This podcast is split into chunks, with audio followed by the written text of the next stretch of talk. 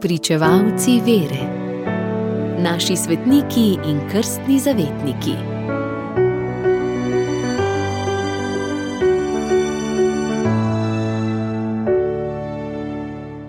Osemnajstega julija goduje sveti Friderik, nizozemski škof in mučenec. Friderik se je rodil okoli leta 790, najbrž v plemiški rodovini germanskega plemena Frizov, ki so se naselili v današnji nizozemski. Že kot otrok je ljubil molitev in zbranost, kot dijak je druge poučeval v veri. Ni čudnega torej, da je škof v Utrehtu, njegov učitelj in vzgojitelj, sprevidel, da ima Friderik duhovniški poklic. Priskrbel mu je dobro bogoslovno izobrazbo ter ga na to posvetil v duhovnika.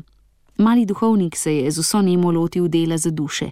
Zaslovel je po svojih pridigah, še bolj pa po svojih krepostih, najbolj po iskreni ponižnosti, ki je temelj vseh kreposti.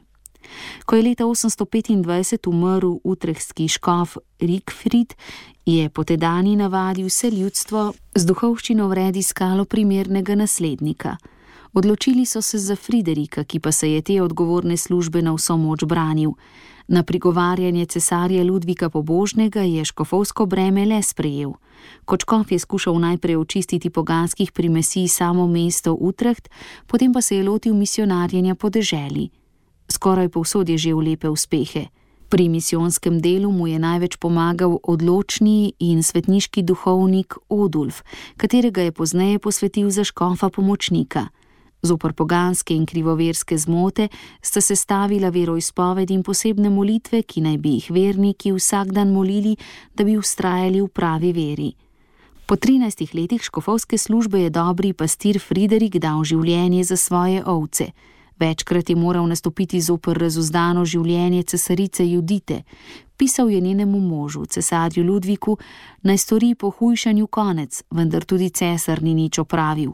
Judita je sklenila, da se maščuje in nadležnega opominjevalca spravi z poti. Najela je dva morilca, ki sta se kot cesarska od poslanca odpravila k škofu. Ta se je ravno pripravljal na sveto mašo. Razodeto mu je bilo, da sta to njegova morilca, ki ga boste še tisti dan spravila z tega sveta. Sveti škof je šel maševat. Po maši, ki jo je opravil zbrano in pobožno kot vselej, se je v nagovoru poslovil od ljudi ti niso vedeli, kaj misli, in so začeli na glas jokati. V mašnih oblačilih je šel v kapelo svetega Janeza Evangelista, kjer je imel že pripravljeno grobnico. Cesaričina od poslanca je povabil naj vstopita.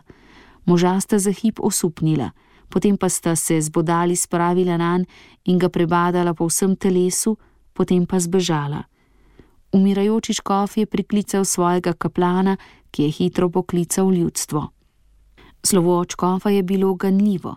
Friderik je ljudi to lažil in jim zagotovil, da bo poslej še lažje prosil za nje pri Bogu. Potem jih je blagoslovil in izdihnil svojo plemenito dušo.